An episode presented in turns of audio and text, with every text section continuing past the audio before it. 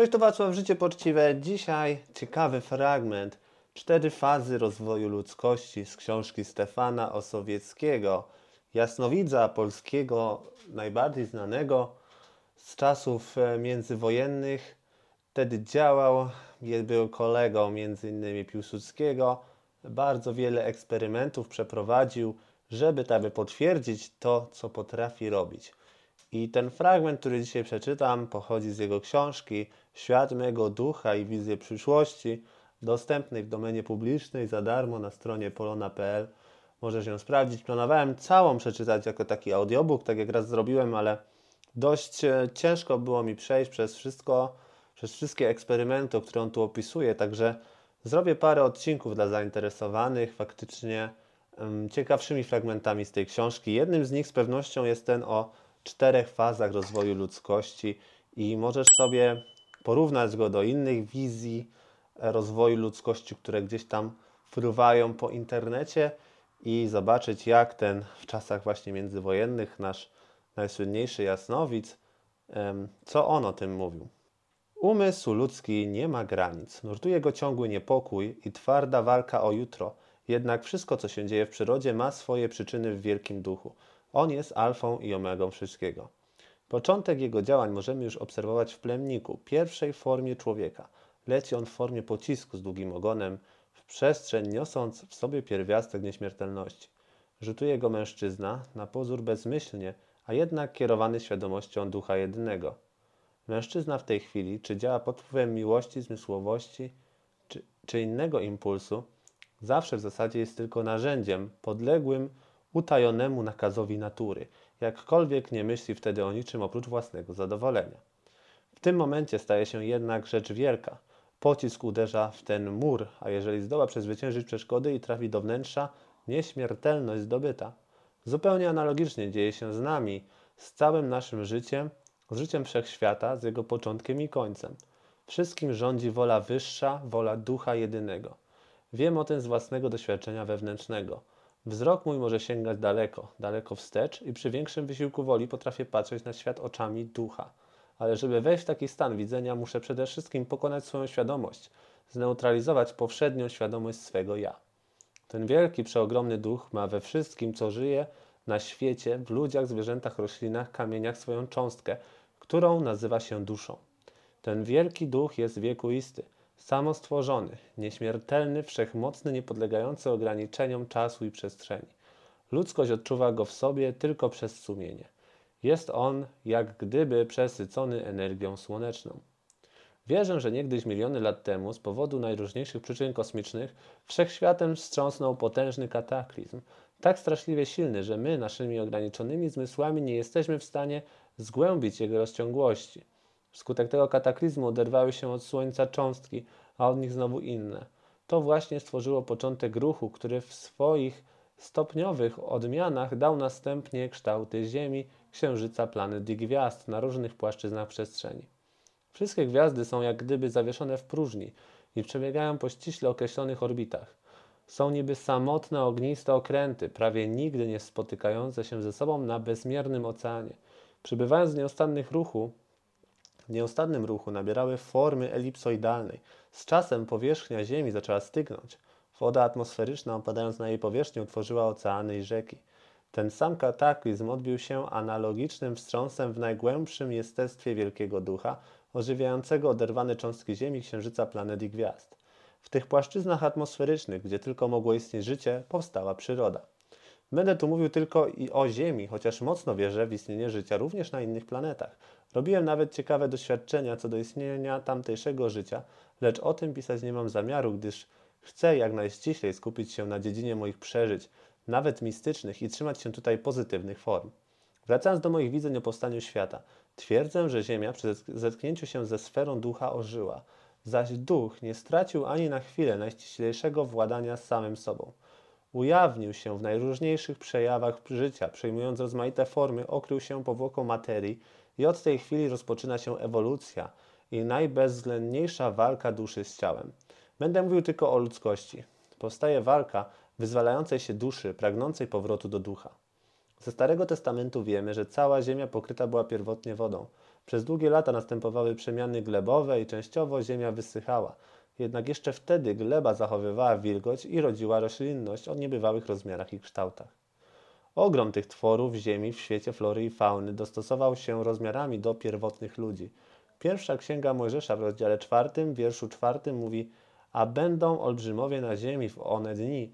W drugim rozdziale tej samej księgi wtajemniczony kapłan egipski odnowiciel narodu żydowskiego Mojżesz w wierszu szóstym powiada ale z ziemi wychodziła para, która odwilżała wszystek wierzch ziemi. Najciekawszy jednak jest fakt, że Mojżesz wspomina o czterech rzekach, które wypływały z legendarnego raju, z pierwotnego, olbrzymiego źródła, bowiem w drugim rozdziale Księgi Genezis w dziesiątym wierszu czytamy A rzeka wychodziła z Eden dla odwilżenia sadu i stamtąd dzieliła się na cztery rzeki. Dziwne to powiedzenie można rozumieć dosłownie, ale wydaje mi się, że ten symbol czterech rzek zawiera raczej odwieczną tajemnicę świata. Gdy mówię o czterech epokach ludzkości, to zawsze stoi mi przed oczami ten tajemniczy symbol czterech rzek z Genezis, gdzie ludzkość w ciągłych odmianach swoich form kroczy do ostatecznego przeistoczenia się w wyższą, niezniszczalną formę i na tej przedziwnej drodze przechodzi cztery etapy rozwoju, odpowiadające czterem żywiołom natury. A więc ludzkość o pierwotnych kształtach, biorąca swe życie z wody, jak wszystko na ziemi, dalej ludzkość żywiołu materii ziemskiej, której kulminacyjny punkt w dziejach świata przejawia się obecnie. Ludzie tych dwóch pierwszych epok to jeszcze istoty, których ciała podlegają rozkładowi. Ludzie żywiołu wody i ziemi. Ale stoi przed nami potężna przemiana. Gdy wkroczymy w epokę żywiołu ognia, gdy ludzkość zacznie zdobywać nowe władze, tym razem już w odmiennych formach, nadchodzą tysiąclecia, w których żywioł ognia przerobi formy życia organicznego, a więc i formę ciała ludzkiego w promienistą postać człowieka. W ostatnim wreszcie okresie ewolucji materii ziemskiej w epoce żywiołu powietrza, poprzez epoki wody, ziemi i ognia, ludzkość zharmonizowana w swoich władzach podniesie się na najwyższy szczebel istnienia człowieka uskrzydlonego. Tym czterem fazom rozwoju odpowiadają prastare symbole czterech Ewangelii. Mateusza, człowiek, żywioł wody, Łukasza, byk, żywioł ziemi, Marka, lew, żywioł ognia, Jana, orzeł, żywioł powietrza. Właśnie wtedy sprawdzą się pewne tajemnice słowa przewodnie natchnionego świętego Jana, autora Apokalipsy. Potemem widział niebo nowe, albowiem pierwsze niebo i pierwsza ziemia przeminęła, a morza już więcej nie było. I otrze Bóg wszelką łzę z oczów ich, a śmierci więcej nie będzie, ani smutku, ani krzyku, ani boleści nie będzie, albowiem pierwsze rzeczy pominęły. A więc ludzkość przebywa w czterech epokach, po przejściu których, wierzę w to, dusza nasza wróci do ducha jedynego, największego z największych. Przez owe cztery epoki będzie trwała zacięta walka wyzwalającego się ducha. Będzie ona straszna i tak potężna, że przez miliony lat nasza forma poważnie się zmieni. Pierwsza epoka to nasze życie w formach potworów wodnych. Do dziś jeszcze przecież nie zanikły pozostałości fizyczne, które z wiekami giną. A więc na twarzy mamy ślady skrzeli, na dłoniach, stopach pomiędzy palcami mamy płetwy. Um, niektóre zęby w szczękach stanowiące pozostałość epoki rybnej. W wyniku badań mamy o filogenetycznym rozwoju zębów. Uzębienie ludzkie uważane jest za pozostałość uzębienia zwierząt kręgowych, ryb, drogą powolnej ewolucji.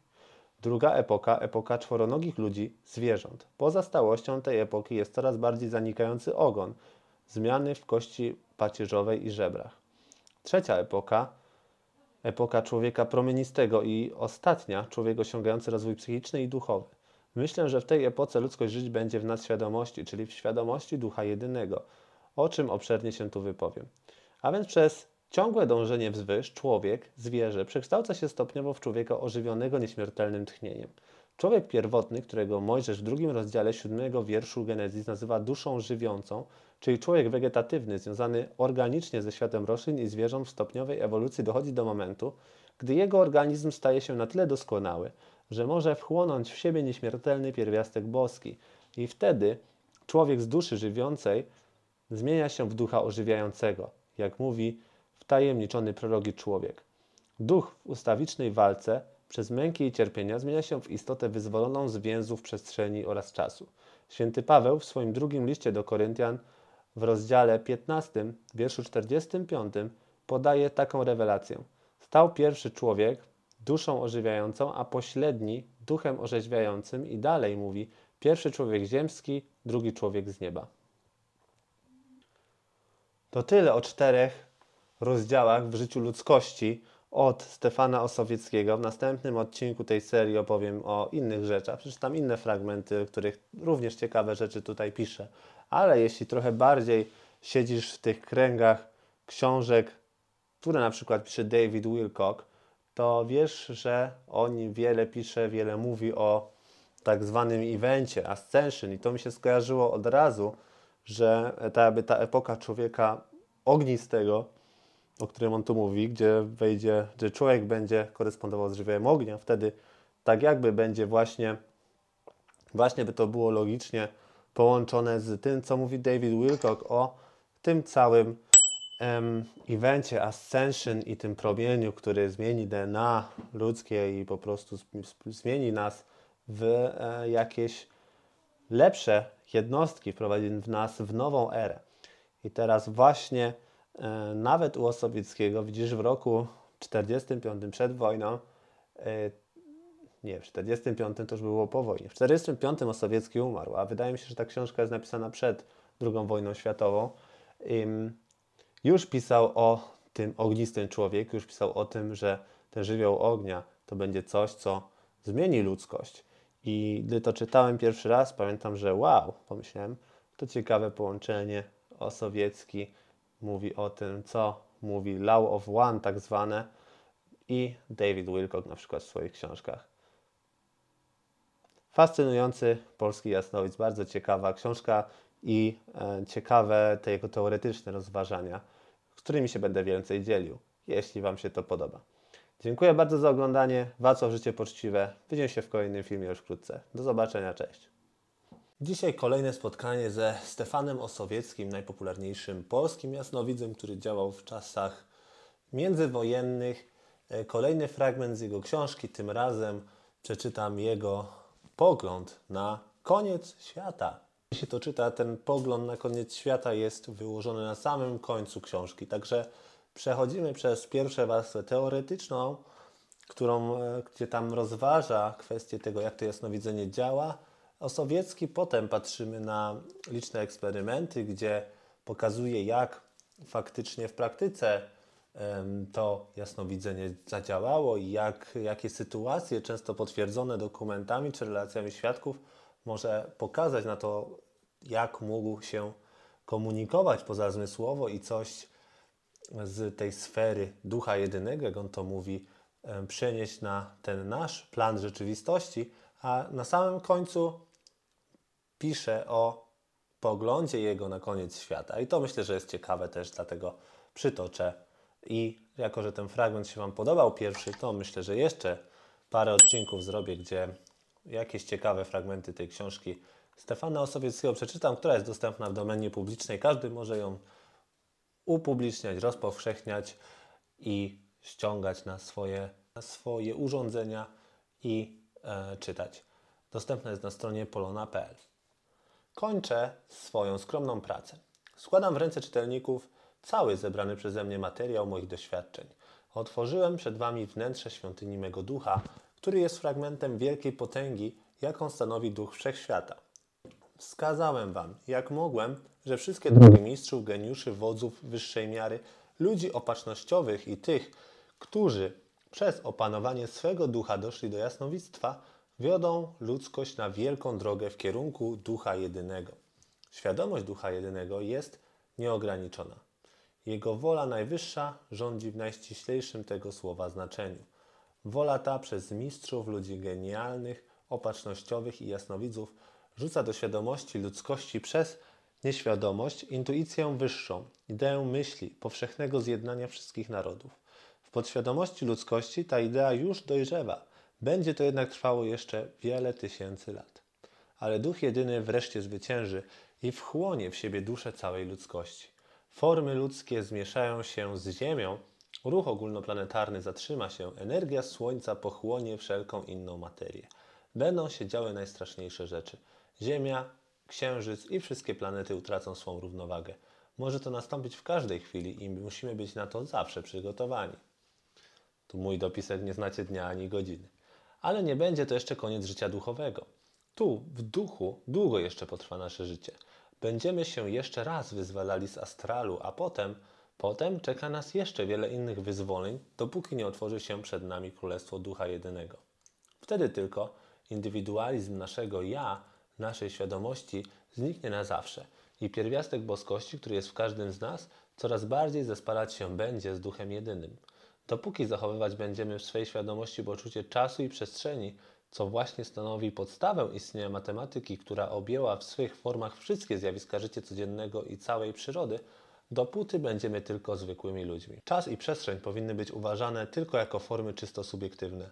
To poczucie powoli zacznie się naszej świadomości zacierać. Przez lotnictwo, radio, kino itd. mocno zmieni się psychika. Poczucie wszechświata, ten świat ducha, do którego każdy człowiek w miarę swego duchowego rozwoju w świadomości ma dostęp, jest już poza granicami czasu i przestrzeni.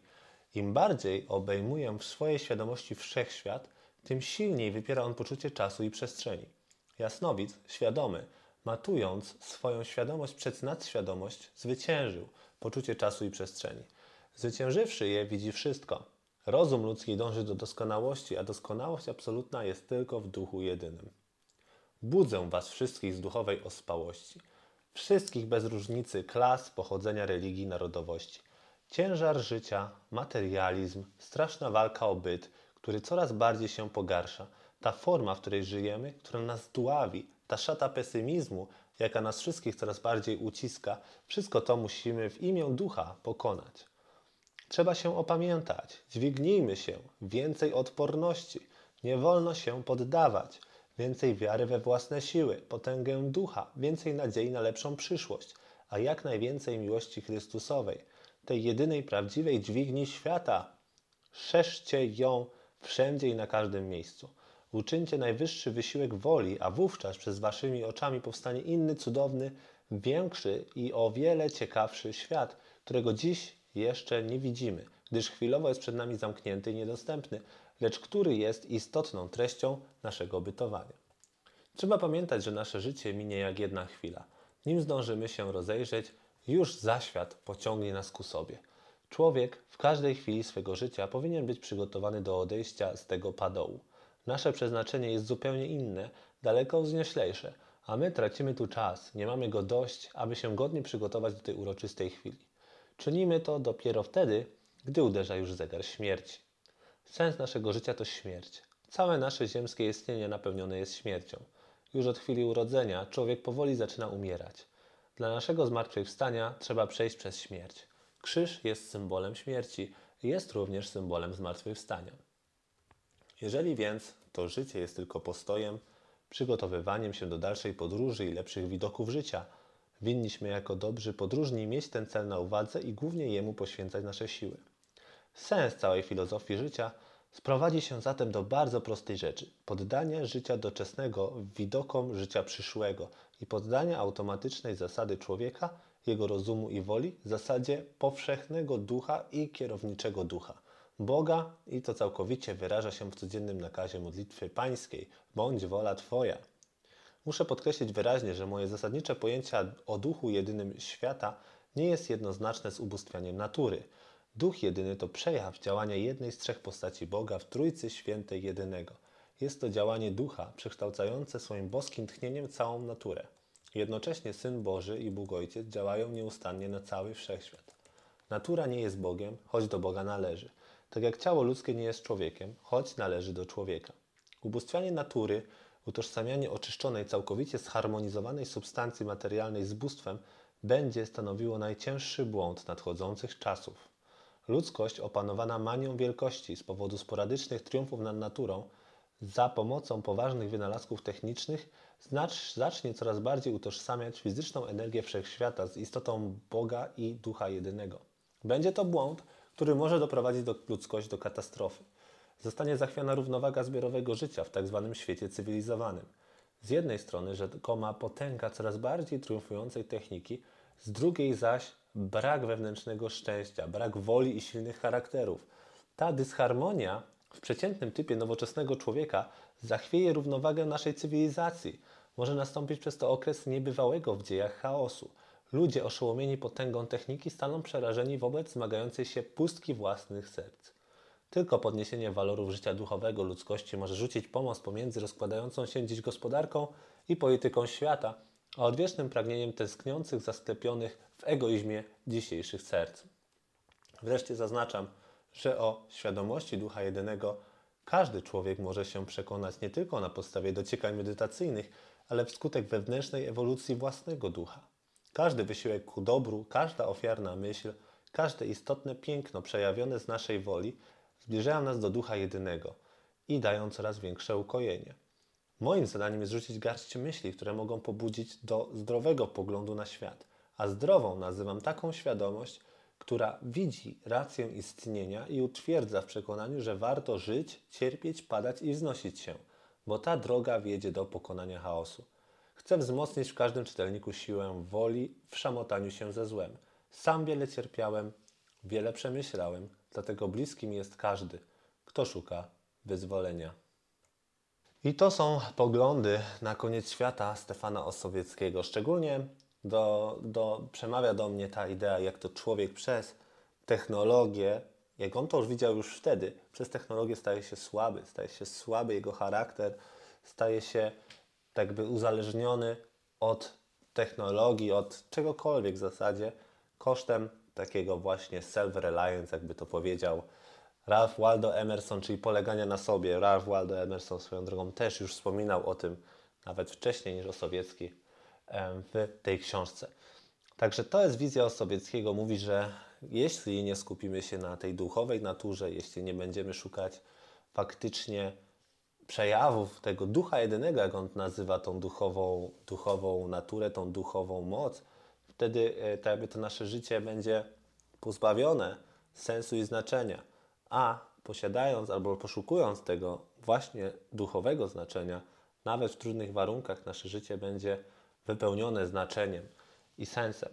E, ciekawa, tak jakby, ciekawa konkluzja tej książki, która mm, jest interesująca pod względem tych bardzo licznych doświadczeń i wglądu Stefana Osowieckiego w właśnie tą naturę pozamaterialną i udowodnione liczne eksperymenty, wiele z nich z marszałkiem Józefem Piłsudskim, bo był ze Stefanem Osowieckim, okazuje się, kolegą.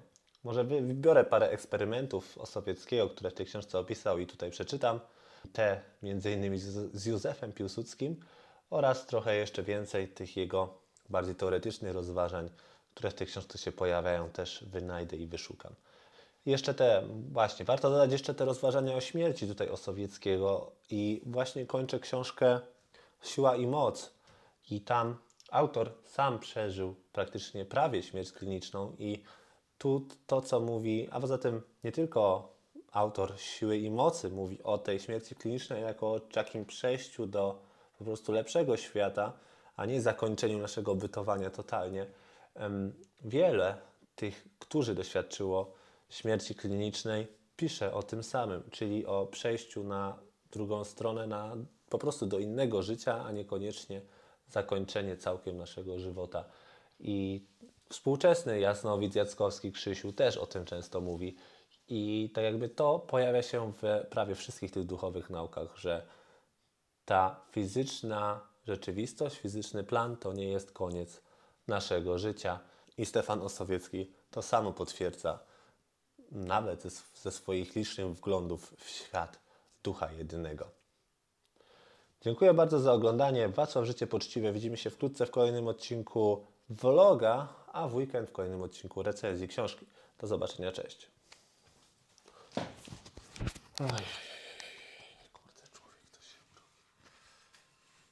Cześć, to Wacław Życie Poczciwe. Dzisiaj kolejny odcinek filmów z serii Stefan Osowiecki, najbardziej popularny polski jasnowic. Działał w czasie międzywojennym, umarł w 1945 roku.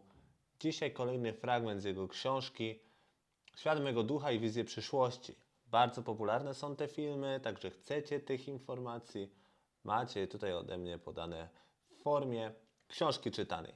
Dzisiaj fragment autobiograficzny, co też Stefan myśli o amuletach i ich znaczeniu. Tutaj skupimy się na tym, jak Stefan Osowiecki rozwinął te swoje umiejętności i ciekawy był też fragment o tym, jak mówił, że telekinetyczne zdolności miał przed tymi zdolnościami do jasnowictwa, do, do widzenia przyszłości. Także to jest ciekawe, że tak by przekształciły się te jego zdolności z tych telekinetycznych na właśnie jasnowictwo. Bardzo ciekawa historia, mało który jasnowic, czy ten, ten człowiek taki, który potrafi do tego świata ducha wejść po informacje, opisuje te rzeczy. Także dzisiaj przeczytamy właśnie o tej autobiograficznej części, a w kolejnym odcinku już przejdziemy do konkretnych, zaprotokołowanych eksperymentów, o których Stefan Osowiecki mówi. Jedziemy. Teraz, przystępując do właściwego działu doświadczeń i rozwoju moich władz, będę pisał o sobie, o moim życiu i przeżyciach. Urodziłem się na wschodnich terenach Polski. Rodzina moja pochodzi z Mochy Lewszczyzny. Ojciec inżynier technolog chemik, przez kilka lat był asystentem profesora Mendelejewa, twórcy okresowego układu pierwiastków. Wiele lat później ojciec stworzył w Moskwie wielką fabrykę chemiczną. Po jego śmierci w 1914 roku stanąłem na czele tych zakładów. Ukończyłem trzeci korpus kadecki w Moskwie, mając 17 lat i zaraz potem stanąłem do egzaminu konkursowego w Petersburskim Instytucie Technologicznym. Ukończyłem tam studia w 1899 roku jako inżynier-technolog. Po zdobyciu dyplomu wyjechałem do Frankfurtu nad Menem, gdzie przez półtora roku byłem na praktyce w fabrykach Kassela. Po powrocie do Rosji zacząłem pracować w fabrykach, a potem w zarządach chemicznych fabryk swojej i w przemyśle chemicznym fabryk benzoloanilinowych. Matka moja odznaczała się nadzwyczajną intuicją, a siostra Wiktoria Jacynowa, żona świętej pamięci generała Jacyny, po śmierci swego jedynego syna pod wpływem wstrząsu nerwowego wyłoniła z siebie niepospolity talent rzeźbiarski. Krytyka uznała go za tym ciekawszy, że nie miał on za podłoże żadnej szkoły, a wytrysnął nagle dzięki intuicji i wrodzonemu u mojej siostry poczuciu rytmu linii i form.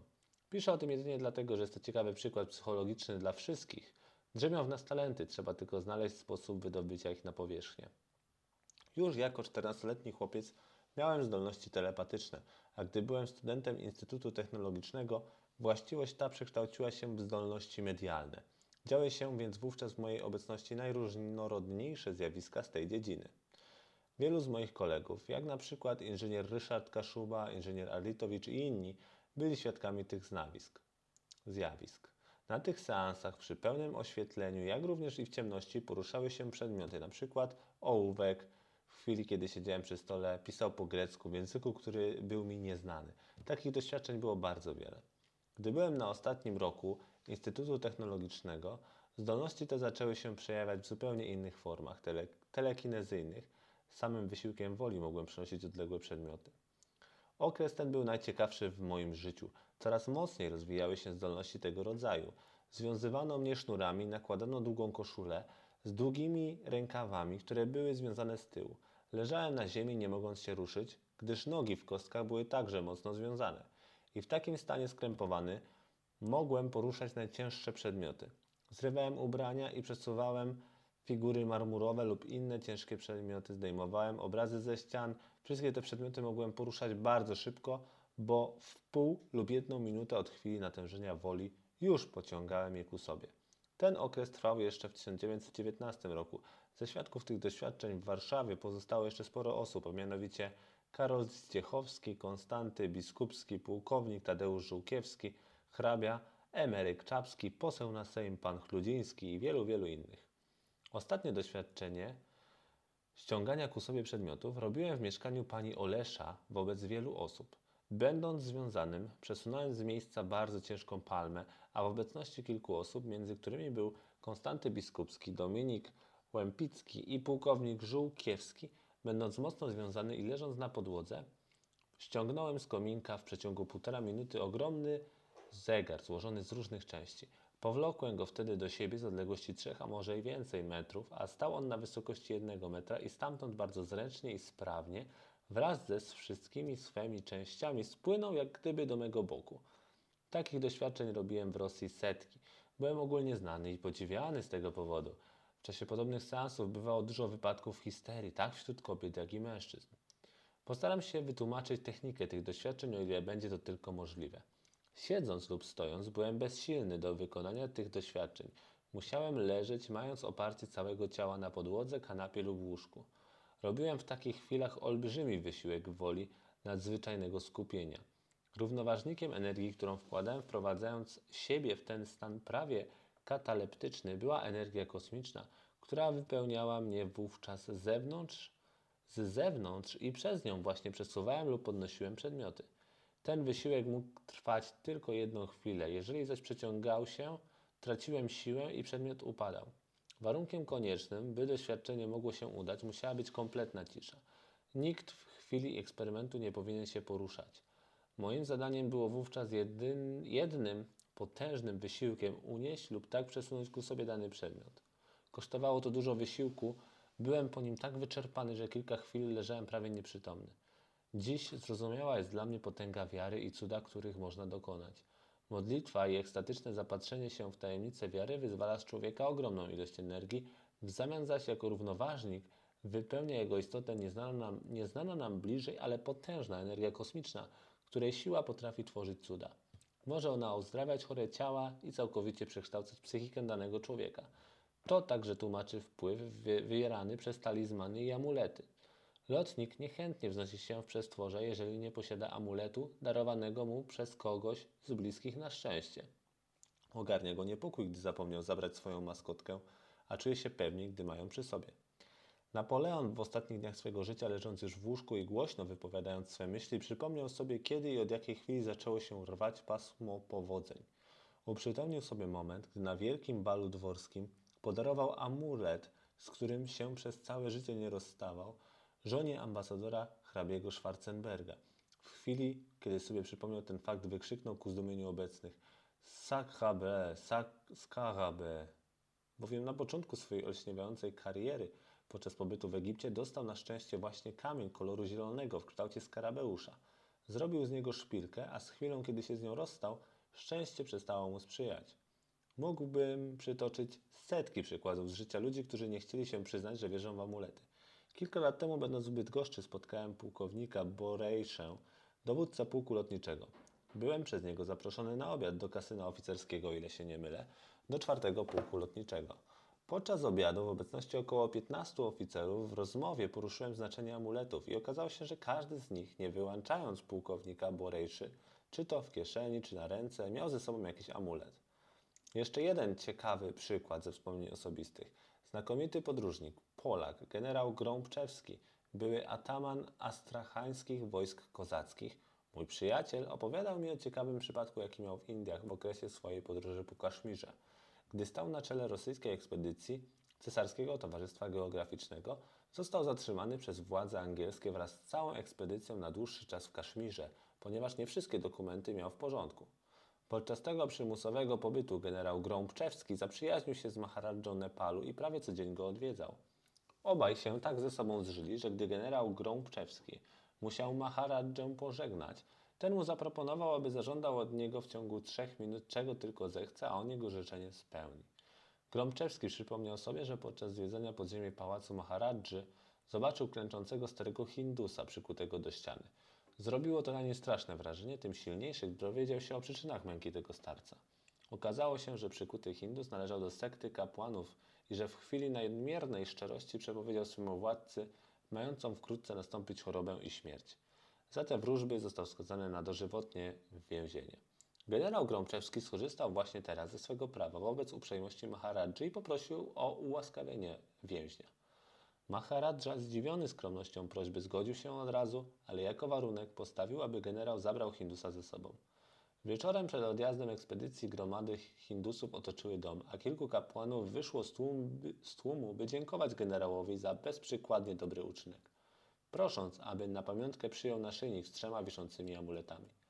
Wręczając naszyjnik, zaznaczyli w swoim przemówieniu, że dają mu go na zapewnienie szczęśliwego losu, bowiem w kamieniach amuletów zamknęli powodzenie dla Grąbczewskiego we wszystkich kierunkach jego życia. I oczywiście generał nigdy nie rozstawał się z amuletem. Doznał dużo szczęścia i powiedzenia i powodzenia, ale od chwili, gdy amulet został skradziony, wszystko się załamało, a niepowodzenia spotykały go jedne po drugich. Staruszek jeszcze w 1919 roku, kiedy powrócił do Polski, Opowiadał mi z wielkim wzruszeniem o tym fakcie, jako o najsilniejszym wrażeniu doznanym w życiu. Wymowny przykład siły amuletów stanowi głośna historia grobowca Tutenchamona. Tutenchamon to faraon XVIII dynastii, który zmarł w 1325 roku przed narodzeniem Chrystusa, mając 25 lat. Był on zięciem i drugim następcą Amonopchisa IV, który opuścił Teby dla zgnębienia potężnych kapłanów Ammona i stworzył nową stolicę w El Amarna. Tutenchamon zaś powrócił do Teb i wznowił w całej dawnej świetności cześć Ammona. Dzięki znalezieniu jego grobowca w 1922 roku przez lorda Carnavona i Howarda Cartera mnóstwo niezmiernie ciekawych przedmiotów z punktu widzenia archeologicznego ujrzało światło dzienne, a więc jego łóżko, sprzęty osobiste, odzież i tym podobne. Wszystko to znajduje się w specjalnych salach muzeum w Kairze. Wystawione są wszystkie przedmioty z wyjątkiem jednego, stanowiącego rzecz arcyciekawą, mianowicie brak tam sławnego skarabeusza, na którym wyryta została formuła przekleństwa.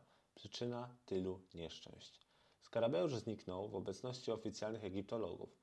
Uświęcony przez specjalny magiczny ceremoniał jest on talizmanem, amuletem wielkiej wagi, stworzonym w celu czuwania nad zmarłym faraonem. Gwałcenie grobów królewskich zawierających skarby drogocenne, drogocenne przedmioty oraz ozdoby było znane i w czasach Tutenchamona, lecz ten skarabeusz, opiekun, miał do spełnienia jeszcze inne zadanie.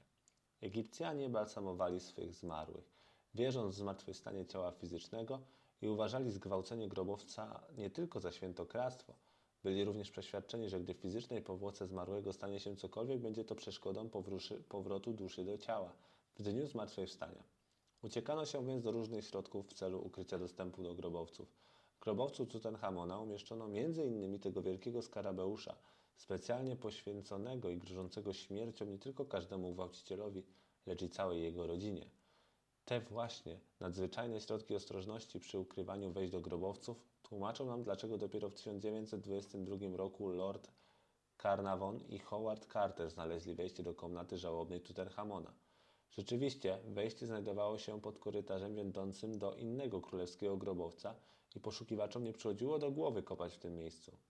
Można sobie wyobrazić zadowolenie Cartera, gdy w końcu natrafił na samo wejście do poszukiwanego korytarza. Radość jego była po prostu bezgraniczna, gdy znalazł się w dwóch żałobnych komnatach zawierających. Jedna tak długo poszukiwany sarkofag, a druga mnóstwo bezcennych sprzętów, ozdób i przedmiotów.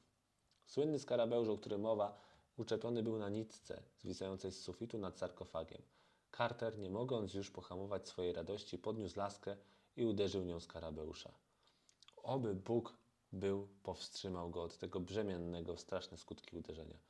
Zaklęta skarabeuszu siła została zwolniona wskutek powstałych od uderzenia wibracji w astralu. Przekleństwo stało się rzeczywistością, a skutki w planie fizycznym tych wibracji astralnych były tylko kwestią czasu.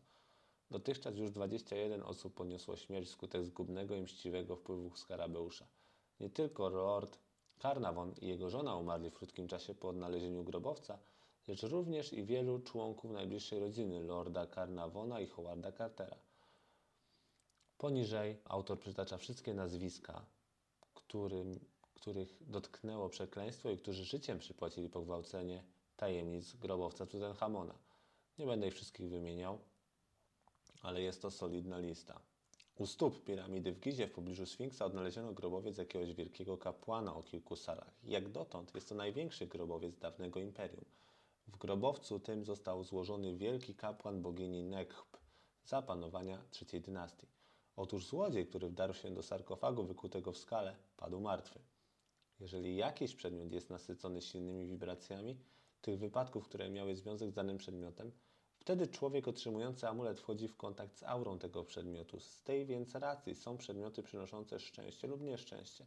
Nie tracą one jak gdyby kontaktu z człowiekiem, który miał ów przedmiot w swoich rękach. Kilka lat temu miałem ciekawy przypadek w Krakowie – Przyjechałem do tego miasta po raz pierwszy i byłem gościem pana Szczepańskiego, redaktora Kuriera Ilustrowanego. Tego dnia, tego wieczoru robiłem dwa doświadczenia. Jedno ze znanym dramaturgiem, Karolem hrabią Rostworowskim. Zdjął on z palca obrączkę i dał mi ją do ręki. Najwidoczniej istnieje kontakt między człowiekiem a przedmiotem, który był jego własnością. Gdy strzymając w ręce obrączkę, zacząłem mówić jednocześnie o życiu ojca i matki Rostw Rostworowskiego. Powiedziałem, że oboje już nie żyją oraz podałem przyczynę ich śmierci. Okazało się zaraz, że z dwóch pierścionków, które nosili jego rodzice, hrabia Rostworowski zrobił jeden i nosił go jako pamiątkę. Drugi przypadek, również niezmiernie ciekawy, spotkałem pana Ryszarda Ordyńskiego, człowieka bardzo znanego w sferach artystycznych. Zdjął on z palca bardzo szeroki, piękny pierścionek i dał mi do rąk. Przeniosłem się od razu i zobaczyłem, że otrzymał go od pewnego słynnego śpiewaka. Opisałem jego wygląd, dodając, że pierścionek kupiono u antykwariusza.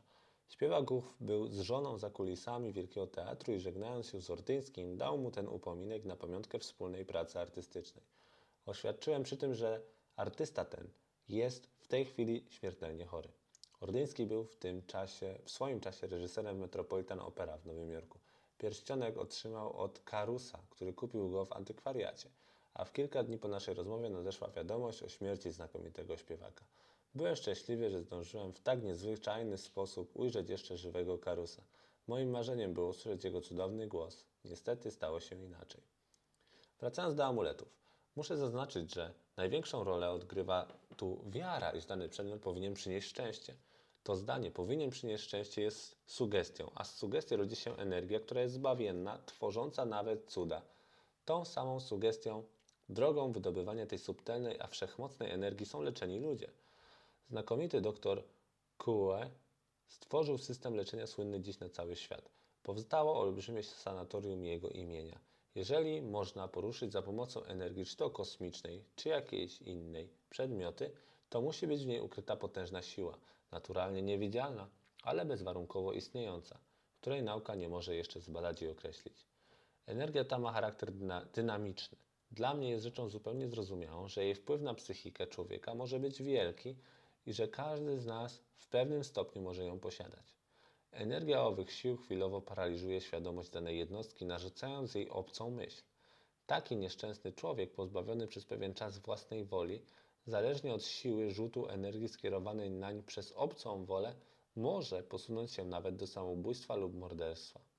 Pod wpływem sugestii dzieją się w codziennym życiu najokropniejsze fakty. Nieraz sprowadza ona nieszczęścia w pożyciu małżeńskim, jątrzy między sobą ludzi. Można też zasugestionować przedmioty, zamykając w nich na krótki lub dłuższy czas pewną ilość energii dodatniej lub ujemnej. Często taki przedmiot pod wpływem sugestii zawiera w sobie przekleństwo, myśl zrobienia zła, chorobę lub nawet śmierć. A bywa również, że sprowadza szczęście i wówczas jest nieocenionym amuletem. W ogóle amulety zawierają w sobie zamkniętą energię sugestii składającą się z pewnej liczby atomów, które ja nazywam psychonami, mogących oddziaływać na człowieka dodatnio lub ujemnie, zgodnie z intencją wywołującego sugestie. Ta fala sugestii przenika przez podświadomość do świadomości danego osobnika i działa destrukcyjnie, lub też daje mu dużo sił podnoszących jego intelekt, a dających mu wiarę w siły własne, prowadzące nieraz do zwycięstwa w życiu. Miłość erotyczna jest również pewnym rodzajem sugestii. Silniejsza wola, czy to mężczyzny, czy kobiety, opanowuje słabszą podświadomość, aż wreszcie siła sugestii zabiera swą ofiarę do niewoli. A wszystko to dzieje się na gruncie prawa ciążenia płci odmiennych ku sobie. Na tym tle powstaje odwieczna gra uczuciowa kobiet do mężczyzn i odwrotnie. Tu tkwi geneza Romea i Julii, Carmen oraz źródło treści najróżniejszych utworów powieściowych, romansów, melodii, rzeźb, obrazów, a wyobraźnia ludzka wyidealizowała w najpiękniejszych formach stosunek i współżycie ze sobą dwojga ludzi. Podstawą oddziaływania amuletów na los danej jednostki jest nie tylko sugestia, ale i skupienie pewnych wibracji kosmicznych. Zachodzi to wówczas, jeżeli amulet stanowi oczyszczoną, skrystalizowaną substancję, jak ma to miejsce zwłaszcza w drogich kamieniach. Tym tłumaczy się niezwykła tradycja, pełna tajemnic, że najwyższy kapłan Egiptu i Izraela nosił na piersiach tablicę złożoną z dwunastu drogocennych kamieni. Były to sardonyks, topaz, szmaragd, karbunkuł, szafir, diament, opal, agat, ametyst, chryzolit, onyks i jaspis. Na czym polegała tajemnica zawarta w tych dwunastu kamieniach? Potężne umysły zajmowały się tym problemem, między innymi wielki uczony i doktor kościoła katolickiego z XIII wieku Albert Wielki, który w swoich komentarzach do Apokalipsy tłumaczy znaczenie tych drogocennych kamieni. Otóż według jego opinii kamienie te zawierały 12 zasadniczych przejawów psychiki ludzkiej, określały 12 różnych cech dążących do doskonałości. Kamienie te zawsze były symbolem cnót, nigdy wad ludzkich. Tak na przykład szmaragd oznaczał czystość, jaspis potęgę woli, trwałość charakteru, karbunkuł miłość, szafir polot i natchnienie w modlitwie i tak dalej, i tak. Te klejnoty wyrażały realnie 12 zasadniczych wibracji kosmicznych. Piszą o tej tajemnicy tak wielkie autorytety jak Klemens Aleksandryjski w swojej pracy wydanej po grecku pod tytułem Stromates, a następnie Atanazy Kirsier w dziele pod tytułem Aedipus Aegyptiacus, wydanym w XVII wieku.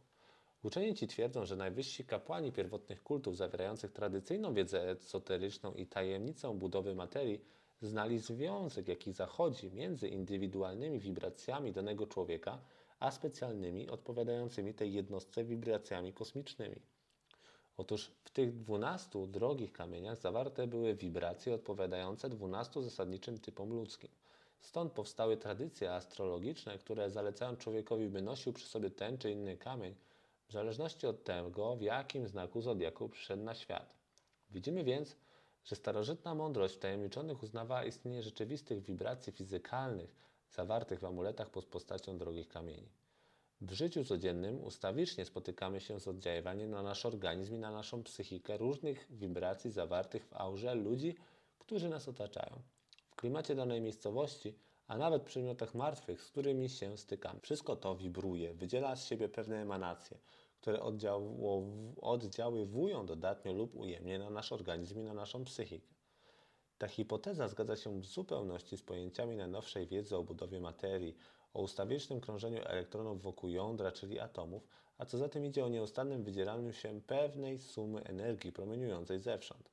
Wszystko właściwie żyje, nawet przedmioty pozornie martwe wibrują w przestrzeni, wydzielając charakterystyczne im tylko właściwe emanacje. Dlatego tak ważne jest, ażeby w życiu codziennym odnosić się życzliwie do wszystkiego, co nas otacza. Każdy prąd zdenerwowania w traktowaniu nie tylko ludzi, ale nawet przedmiotów martwych wywołuje pewien zamęt i sprzeciw tego, co nas otacza. W ten sposób sami ściągamy ku sobie przyczyny niepowodzenia, przyczyny realne, choć zawarte w świecie niewidzialnych wibracji. Każdy odruch dobrej woli i harmonijnej, pogodnej myśli skierowanej do wszystkiego, co nas otacza, opłaca się stokrotnie. Wtedy bowiem otrzymujemy w zamian ten sam rodzaj harmonijnych energii płynących zewsząd do nas. Czym promieniujemy, tym się nasycamy.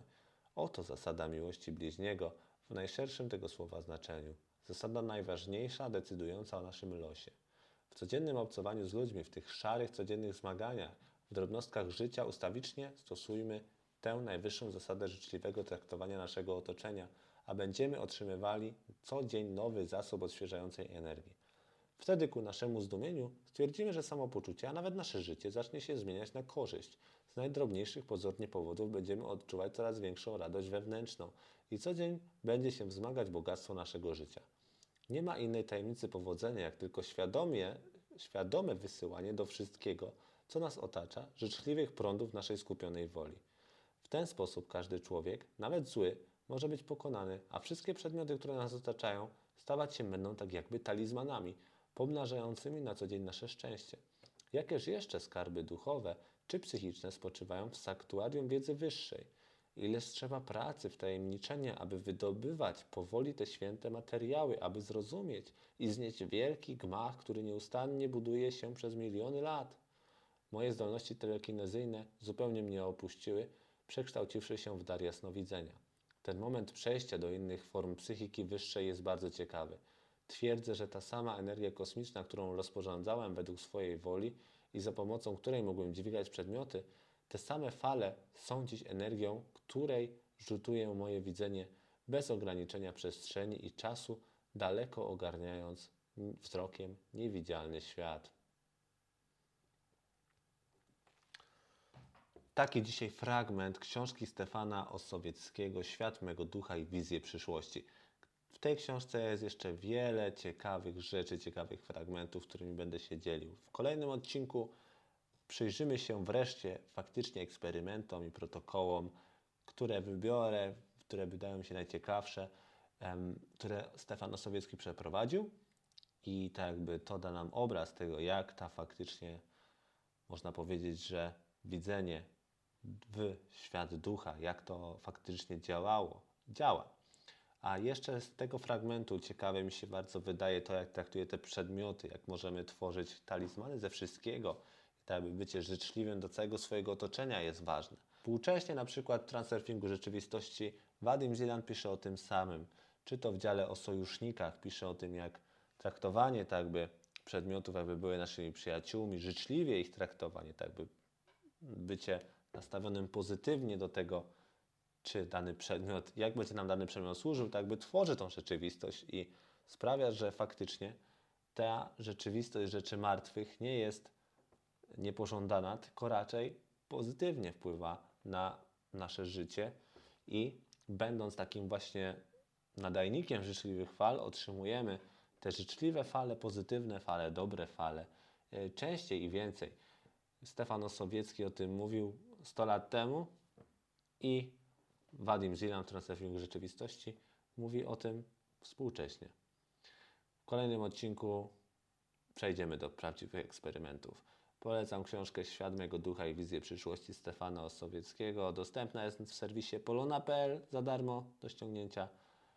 Widzimy się w kolejnym odcinku vloga już wkrótce i w kolejnym odcinku recenzji książki w weekend.